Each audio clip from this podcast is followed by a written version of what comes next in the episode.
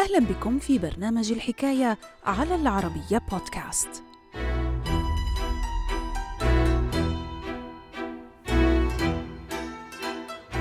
حقق فيكتور بيريز البطل التونسي اليهودي المعروف بيونغ بيريز انتصارات عدة.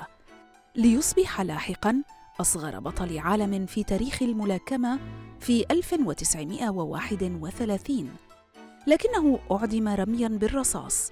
فيما كان يعرف بمواكب الموت في الثاني والعشرين من يناير كانون الثاني عام 1945 بعدما ألقت قوات الأس أس النازية القبض عليه في معتقل أوشفيتس الشهير في بولندا. تفاصيل الحكاية. في مقال للكاتب طه عبد الناصر رمضان بعنوان تونسي فاز ببطولة العالم للملاكمة أعدمته ألمانيا النازية.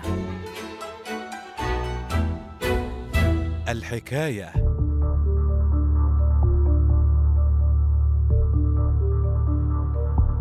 يعد الملاكم التونسي اليهودي فيكتور بيريز أو كما يحلو للبعض تسميته بيانغ بيريز واحدا من أشهر الشخصيات التونسية خلال فترة ثلاثينيات القرن الماضي حيث مر هذا الشاب التونسي بحياة مليئة بالنجاح والتفوق في مجال رياضة الملاكمة قبل أن يجد نفسه داخل معسكرات الموت النازية خلال فترة الحرب العالمية الثانية.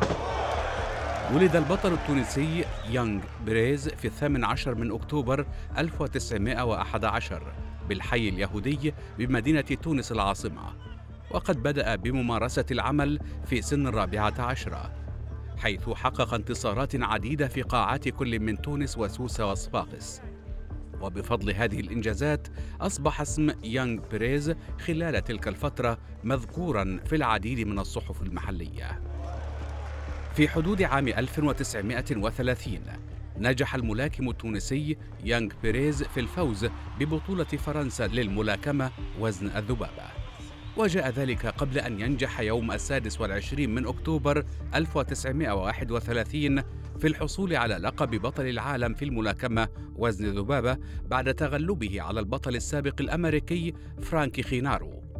خلال تلك الفترة نجح البطل التونسي يانغ بيريز في الحصول على البطولة العالمية في الملاكمة وزن الذبابة وهو في عمر العشرين. وعلى إثر ذلك أصبح أصغر بطل عالم في تاريخ الملاكمة حسب معطيات تلك الفترة.